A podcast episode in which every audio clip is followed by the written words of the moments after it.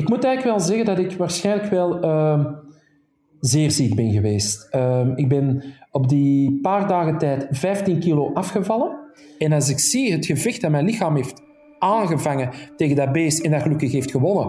Maar als ik zie wat dat mij heeft gekost aan mijn lichaam, dan denk ik van, oh mijn god, al die zwakkere mensen, zeker die bejaarden, die, die, die, die, dat overleef je niet.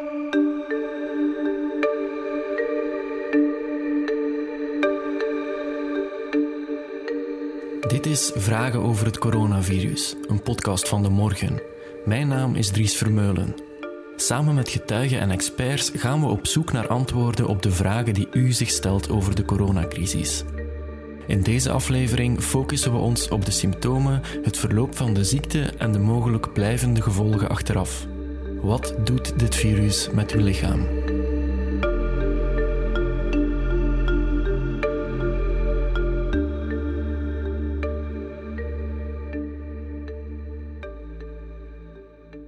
Ja, wat doet dit coronavirus COVID-19 met ons lichaam?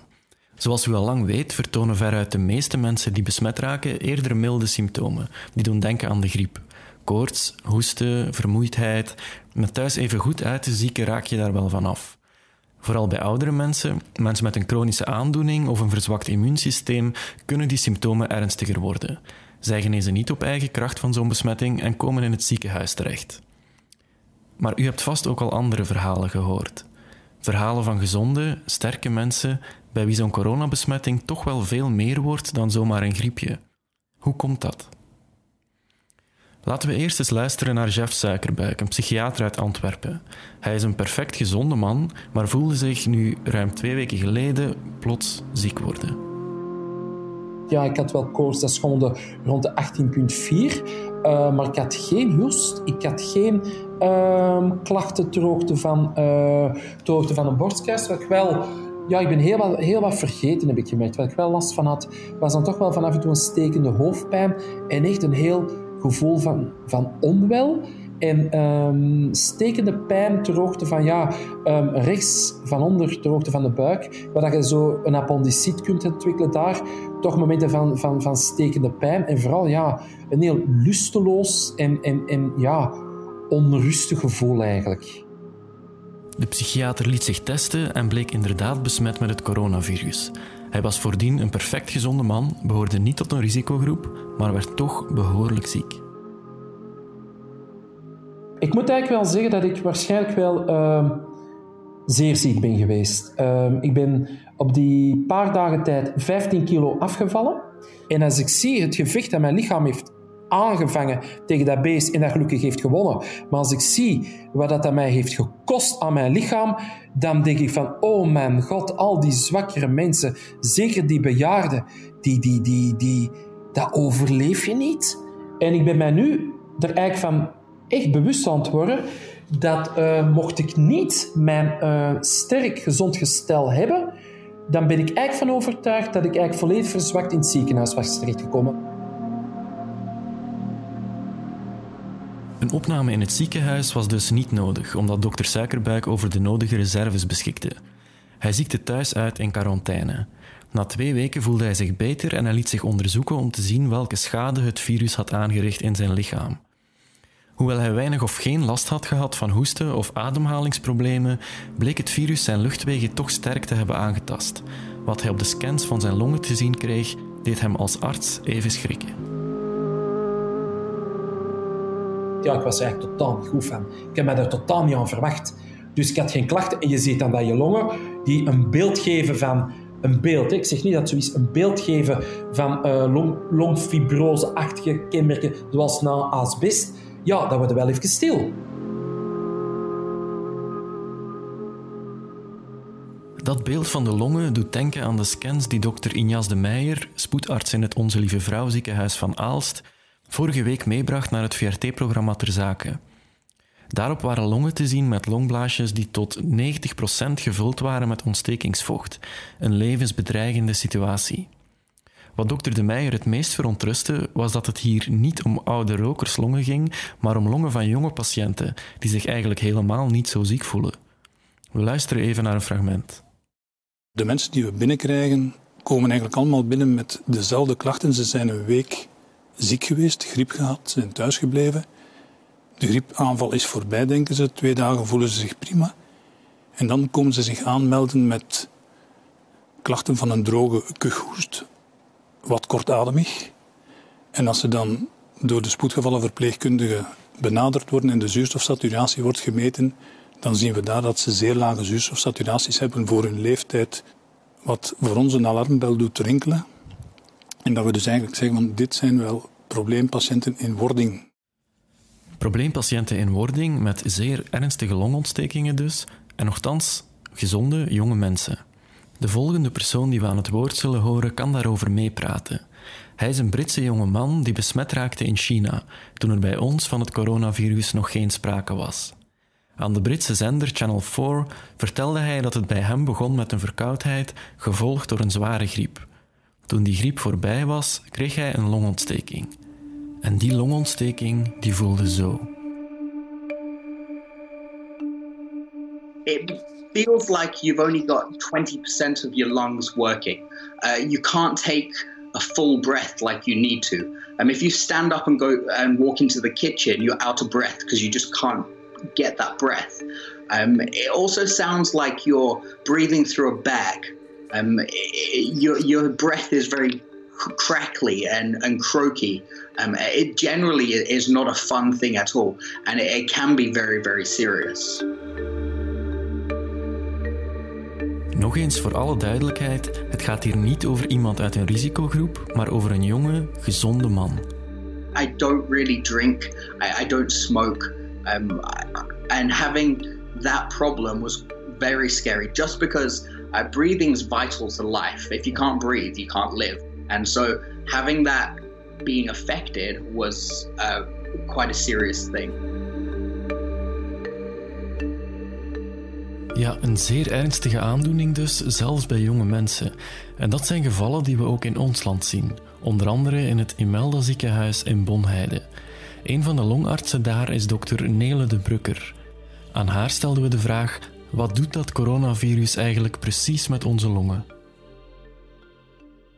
Het coronavirus gaat via de luchtwegen naar, de, naar het longweefsel zelf. En in het longweefsel um, gaat er dan een ontstekingsreactie optreden. Het vormt een longontsteking en daardoor kan de zuurstof minder gemakkelijk van de longblaasjes naar het, uh, de bloedbaan getransporteerd worden, waardoor dat er um, zuurstoftekort kan ontstaan in de, in de weefsels en de mensen kortademig worden. Dat klinkt beangstigend, maar in veruit de meeste gevallen is de situatie niet heel ernstig. 80% van de patiënten heeft milde tot matige symptomen, maar 1 op de 5 moet worden opgenomen in het ziekenhuis.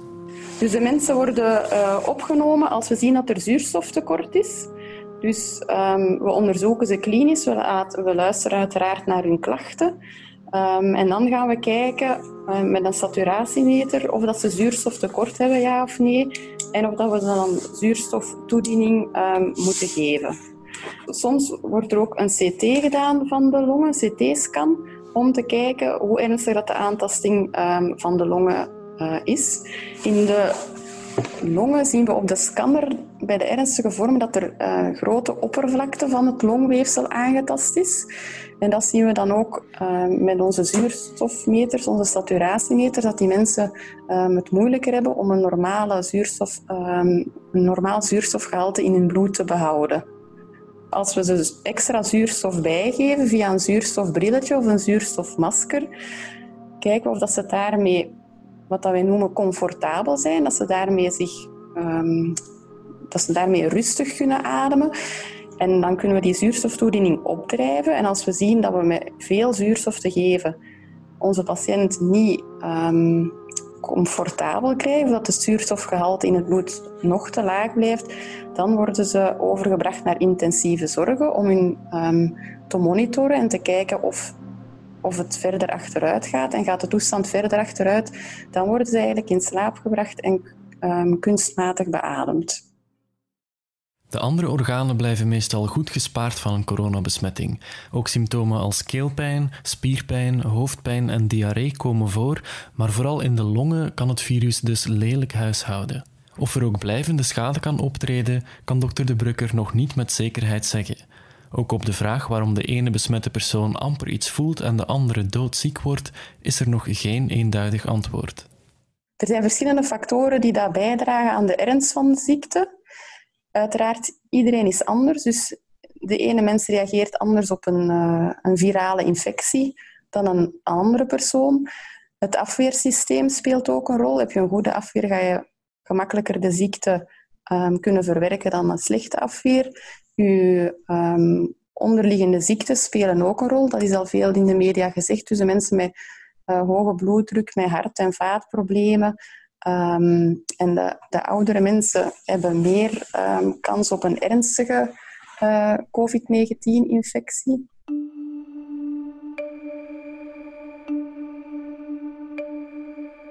Maar hoe komt het dan dat sommige gezonde mensen ernstig ziek worden van een coronabesmetting en anderen niet? Een mogelijke verklaring is dat de gelukkigen onder ons een hogere weerstand hebben opgebouwd dankzij de broertjes van COVID-19, die we in België kennen als een verkoudheid.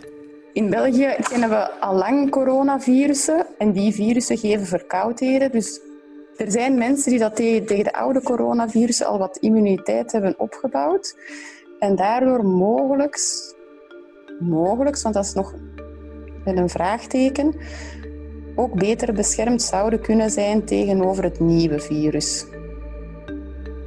Net als spoedarts Injas de Meijer ziet ook dokter De Brukker soms jonge patiënten met heel milde symptomen van wie de longen toch ernstig blijken aangetast.